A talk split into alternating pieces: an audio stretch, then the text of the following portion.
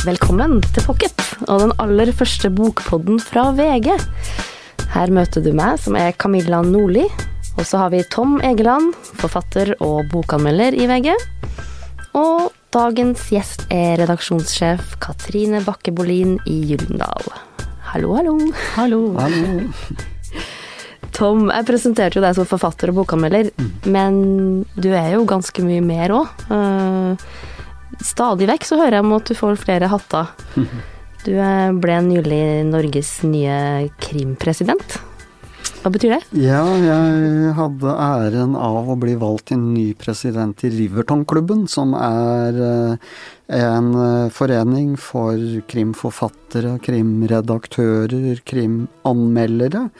Og der diskuterer vi krimfaglige spørsmål, altså litterære spørsmål, temaer som, som opptar oss som skriver, eh, skriver krim. Krimpresident, eller krimsjef, kan vi kalle det. Ja. Og så så jeg akkurat på Facebooken din nå at du har blitt medlem av Norges barne- og ungdomsforfattere. Det også. Jeg Ja. skriver jo eh, ungdomsbøker innimellom voksenbøkene mine, så jeg søkte om medlemskap der, og var så heldig å bli Ja. tatt opp som medlem. Eh, Men den eh, setningen som jeg starta med, hun skjøv døren opp og slapp ham inn i livet sitt igjen. Eh, Hva slags setning er det, Katrine? Det er rett og slett den siste setningen i Stig Larssons 'Luftslottet som sprengtes', som er den siste boken i Millennium-trilogien som, som Stig Larsson skrev. Ja, for Pocket skal i dag handle om Millennium 4. Den omdiskuterte fortsettelsen på Stig Larssons verdenssuksess om eh, Lisbeth Salander og Mikael Blomkvist. Og foreløpig så er jo det her eh, et superhemmelig manus som ligger nedlåst i en skuff i Gyldendal. Eh, fram til verdenslanseringa 27. august. Og Katrine, du har jo eh, sluppet meg helt inn til manuset. Jeg har tatt på det og sånn. det var det. Ja, eh, hit, men ikke lenger. Litt sånn. Mm. Eh, hva er det som er så spesielt med dette manuset? Eh, nei, altså det var jo en, eh, en noe overraskende, men eh, veldig gledelig nyhet. Vi tenker vi fikk fra Norstedts forlag, Stig Larssons svenske forlag, rett før jul i 2013. Eh, og det var at eh, Norstedts forlag, eh, sammen med de som forvalter rettighetene til Stig Larssons litterære univers, og hans agent hadde spurt forfatter David Lagerkrantz om han hadde lyst til å skrive en fortsettelse på Millennium-universet. Eh, Dette syns vi var eh, en spennende og interessant og god nyhet. Så har det vært mye hemmelighetsskremmeri og hemmelighold rundt eh, bokprosjektet og manuset. Som, opsjon, som forleggere av Stig Larssons Millennium-trilogi, så hadde vi da opsjonen på dette nye manuset. Og har gått lenge og ventet på å lese noe som helst, før vi da fikk manuset for noen måneder siden. eh, Og leste og var begeistret, og bestemte oss for å kjøpe rettighetene. Veldig spennende, da. Ja, det er veldig spennende. eh, Og det er veldig spennende fordi jeg kan jo ikke si noen ting om det. Vi skal nok få han til å si lite grann, så vi må bare Så spennende er det. Men det jeg kan si er at eh, vi er, eh, vi er fire stykker Ja. som har lest på forlaget. Vi fikk uh, En liten eksklusiv gjeng, ikke sant? Ja, det er en liten eksklusiv gjeng som skal eh, jobbe med lanseringen. Det er langt fra alle som jobber med dette bokprosjektet som faktisk har lest. Uh, Så vi er den eksklusive gjengen på fire stykker, og slik kommer det til å være helt fram til lanseringen Ja, og det er jo i også, august. Ikke sant? Det er jo bare noen få i verden også som har lest. Og Men- du, du er en av de få. Jeg er en Ja. av de få. og Det gikk opp for meg også da vi var eh, i London på bokmesse nå ganske nylig, hvor eh, det svenske forlaget sammen med eh, agenten til David Lagerkrantz og også til Mogliden, som da forvalter rettighetene til Larssons univers. Det er broren og faren, ikke sant? Det stemmer. Ja. Det er bror og far. Til Stig Larsson. Eh, Ja. De inviterte til et eh, symposium hvor alle de internasjonale forleggerne eh, ble eh, introdusert det vi kunne for dette universet. Og da gikk det jo også veldig fort opp for oss at fordi manuskriptet foreløpig kun finnes på svensk, så var det veldig få av oss i rommet som hadde lest. Naturlig nok, ja. Naturlig nok. Ja, Vi skal komme tilbake litt mer om hva du kan si og sånn, men, men uh, før vi går videre, så, så, må vi bare gjøre det klart, ikke sant, at dette dreier seg jo ikke om en bok fire som mirakuløst, på mirakuløst vis har eh, dukka opp, eller et manus som Stig Larsson selv begynte på. Uh, han døde jo som kjent før han rakk å fullføre den serien han hadde planlagt skulle bestå av seks, seks bøker. bøker. er det vi har gjort. Mm. Uh, og han døde rett og slett før den første boka ble utgitt, mm. i 2006. Um, eh, og det er en ganske viktig ting, akkurat det du sier der, fordi at uh, David Lagerkrantz har skrevet et selvstendig litterært verk basert på Stig Larssons univers og karakterer. Uh, og det er nettopp ikke en videreføring av bok fire det som er skrevet, om det finnes noe eller ikke. For det vet vi jo faktisk ikke. Um, så det er en veldig viktig um, mm. Uh, presisering. Men dette med at det da var en forfatter som fikk i oppdrag på med å fortsette dette livsverket til Stig Larsson, det liker jo ikke du noe særlig, Tom? Nei, jeg gjør ikke det. Jeg har jo kalt dette forlagenes dans på Stig Larssons grav. Eh, jeg mener jo at en forfatter har eierskap til sitt litterære univers. Eh, det ville være utenkelig hvis eh, Jo Nesbø skulle gå bort, at en annen forfatter skulle fortsette å skrive om Harry Hole. Og det vil være like utenkelig, tror jeg, for Gyldendal å be en annen forfatter eh, fullføre Tor Ulvens forfatterskap. Eh, så her har vi jo å gjøre med, i mine øyne, en ganske kommersiell tenkning. Altså her er det mer å hente. Eh, det fins i forlagshistorien en håndfull eksempler på forfatterskap som da er fortsatt av andre etter at Um, forfatteren døde. Uh, det verste eksempelet er jo altså Margaret Mitchells 'Tatt av vinden', hvor Eh, en forfatter som heter Alexandra Ripley skrev en såkalt oppfølger som het Scarlett.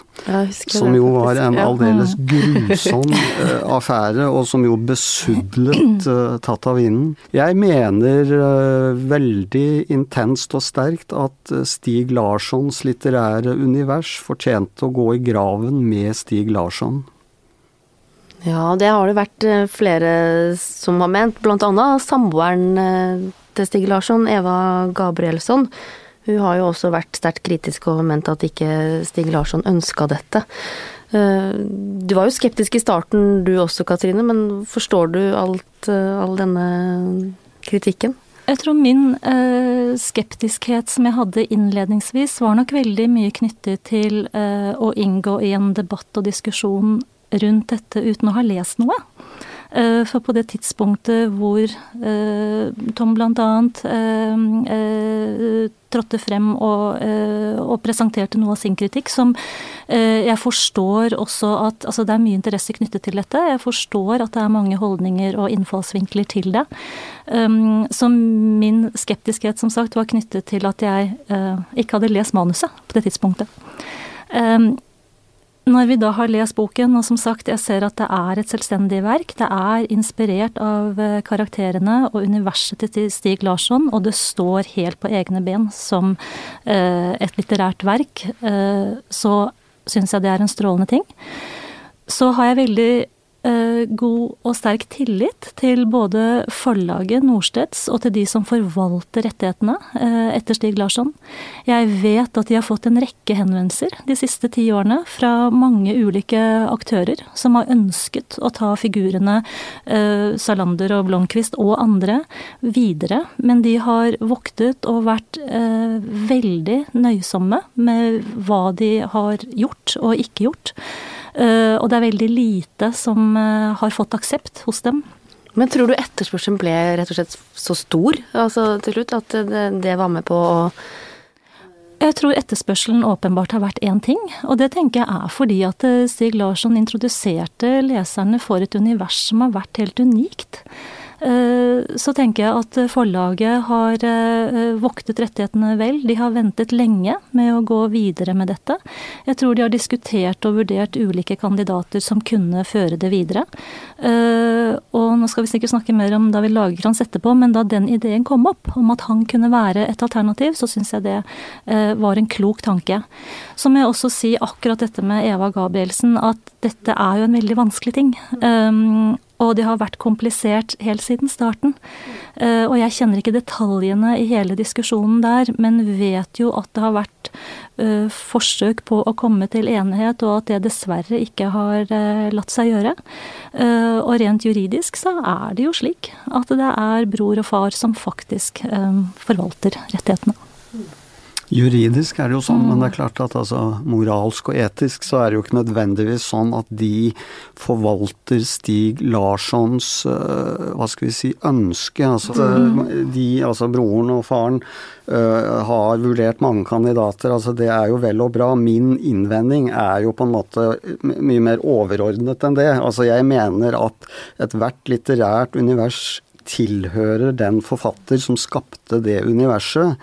Og om så da forlag og etterkommere er nøye på å vurdere kvaliteten til potensielle forfattere, så mener jeg at det overtrumfer ikke forfatterens rett til sitt eget verk og sine egne personer, og ikke minst siden det tross alt er eh, relativt kort tid siden Stig Larsson gikk bort. Eh, det er klart at eh, hvis vi tar eh, Sherlock Holmes og Arthur Conan Doyle, så kan man jo diskutere hvor lenge den, hva skal vi si, retten til sine egne figurer varer. Men, men jeg, da jeg hørte om dette i sin tid, så reagerte jeg veldig kraftig, for jeg syns dette hørtes hva hadde, hva hadde, du selv gjort? Altså, hvis, eh, du vet jo ikke hva du hadde gjort, men hvis dette skulle skjedd med deg, da? Altså, hvis, var, noen, hvis, hvis, du var død? Hvis jeg døde? Nei, altså da skal jeg si deg, Da hadde jeg kommet tilbake som spøkelse og plaga livet av både det forlag og den forfatter som skulle sitte og skrive mine bøker eh, om igjen. Men hadde det ikke vært litt fint om Bjørn Belte hadde fått levd videre, da?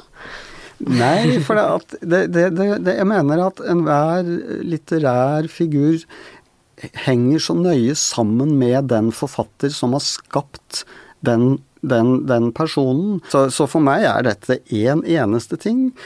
Det er kommersialisme. Jeg må bare se én ting. For det første så vet vi jo faktisk ikke hva Stig Larsson eh, hadde tenkt om dette.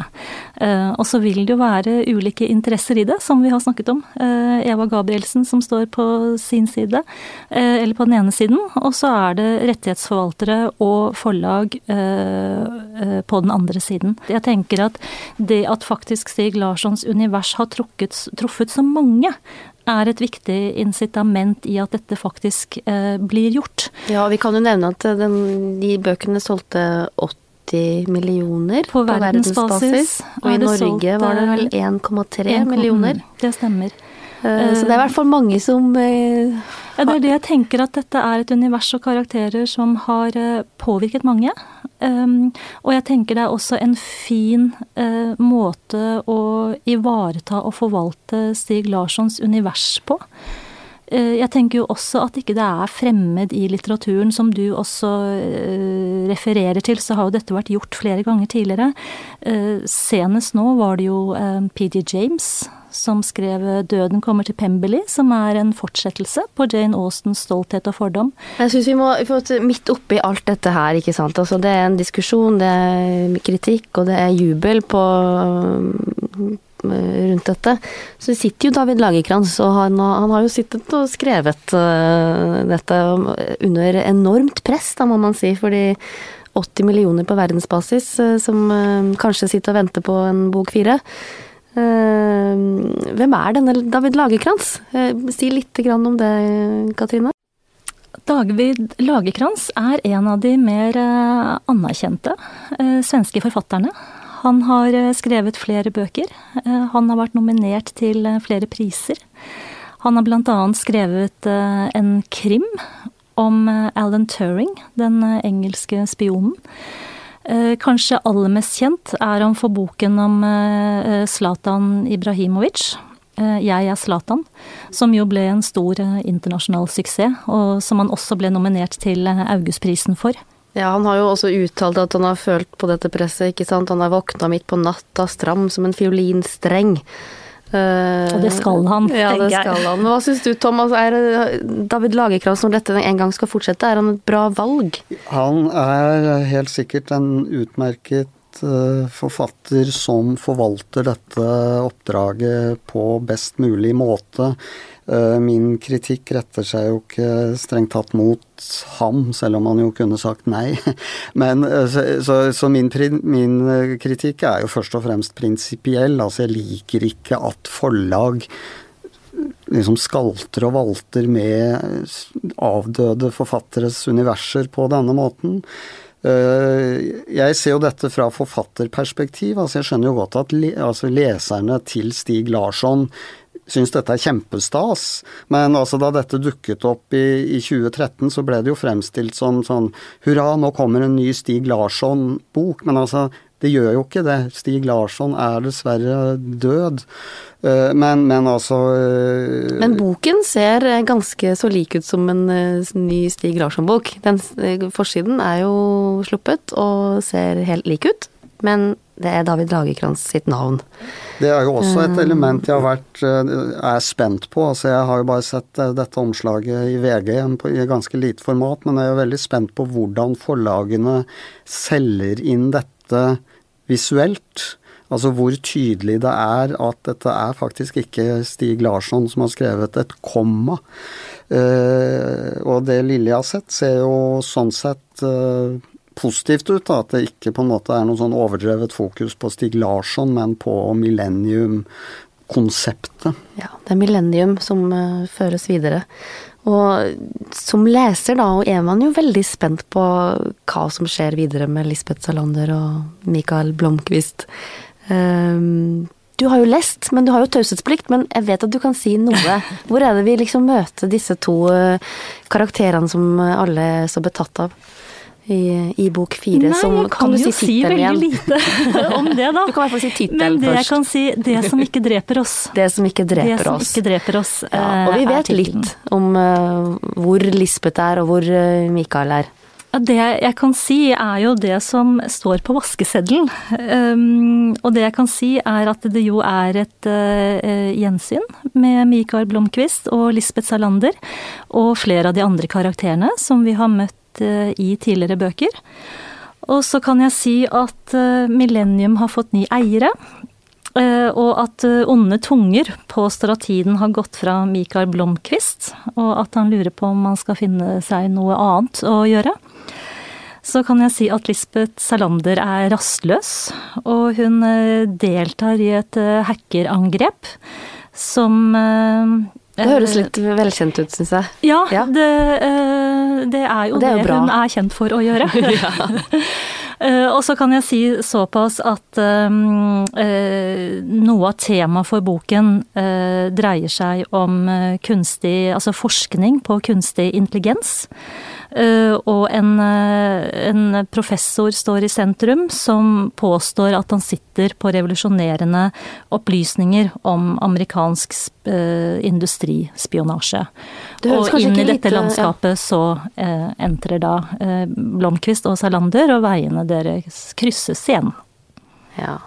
Det kan jeg si. Ja. Det høres ikke så blodig ut foreløpig, da. Men det kan det Det jeg tenker er at eh, David Lagerkrantz går inn i det komplekse universet som Stig Larsson også har skildret eh, i sine bøker. Uh, og at det er uh, en snedig, stram, kompleks dramaturgi og plotting i det hele. Men blodig Tja. Tja, sier hun. Men ryktene sier i hvert fall at, at man glemmer ganske fort i den teksten at det ikke er Stig Larsson som har skrevet. Nå vet jeg ikke om vi kan da mene at det er bra eller dårlig.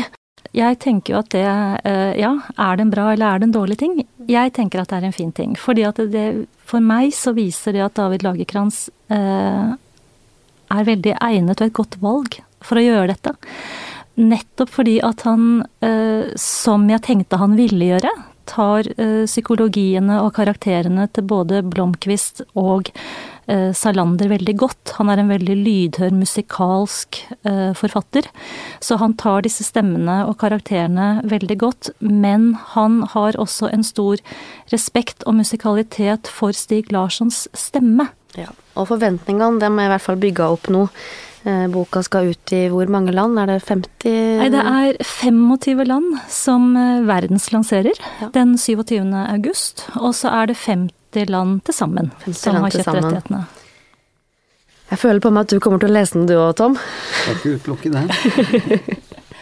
Hvis Gyldendal vil sende til meg, da. Jeg skal sende den til Tom så snart den kommer. Du skal få det første eksemplaret. Ja. Um, I Pocket så kommer vi alltid til å avslutte med noen boktips, for det vet jeg at uh, leserne og lytterne til VG alltid er ute etter.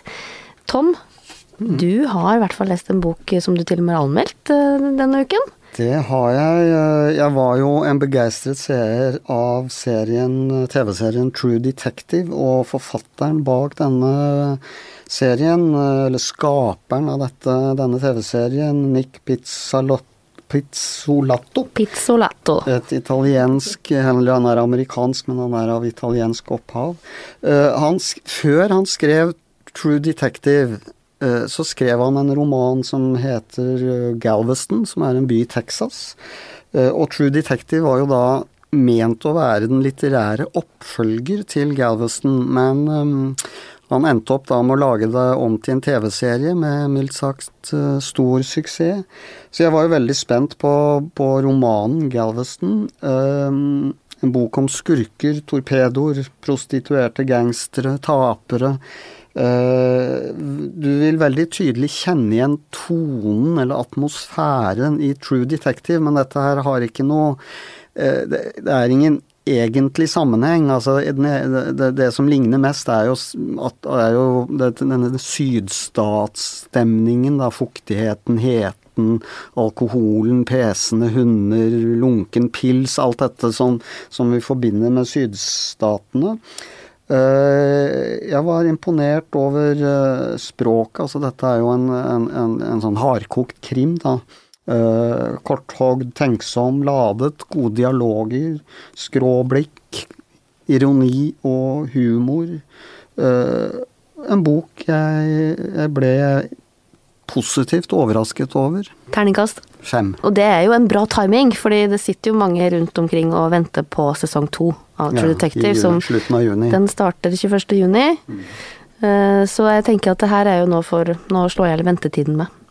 En slags opp forløper til True, True, Detective, rett, rett og slett. Og det er ikke så tjukk bok heller, så Nei. de som aldri leser bøker, kan trygt uh, gyve løs på denne. De som elsker TV-serier, men mm. kanskje ikke leser bøker. Ikke sant? så bra. Uh, Katrine, du har sikkert med deg en Gyldendal-bok, da, tenker jeg? Ja, jeg, jeg, måtte jo det. Jeg er programforpliktet nesten til å ha med en Gyldendal-bok.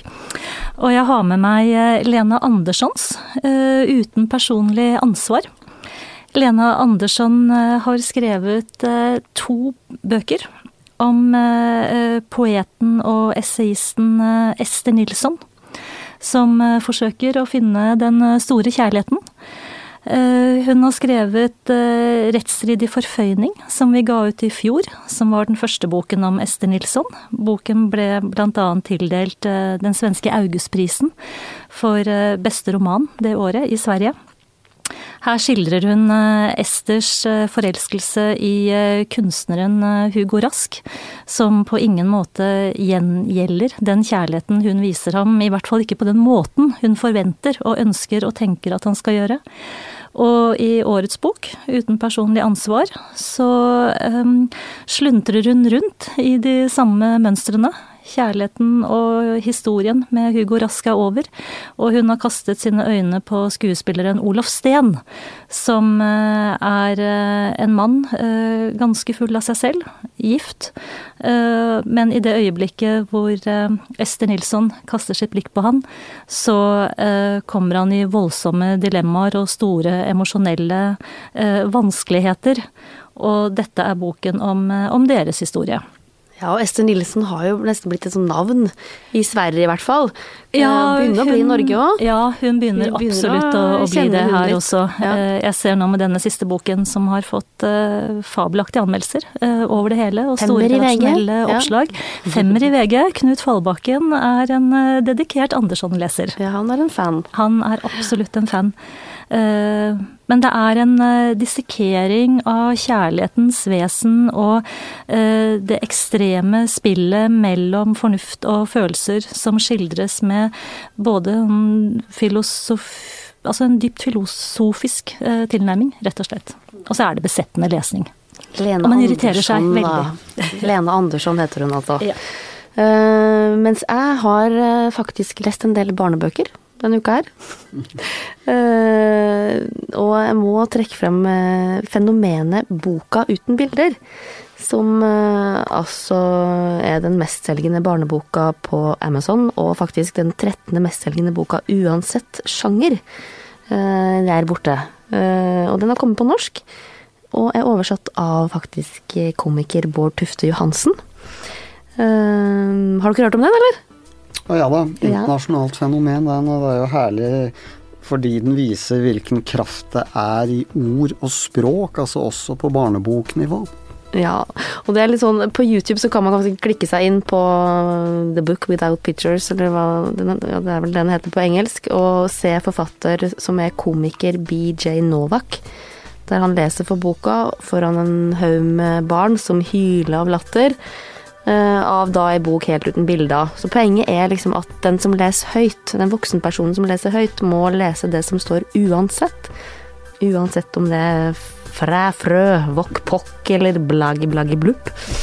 Uh, ja, veldig morsomt. Uh, veldig morsomt for barna.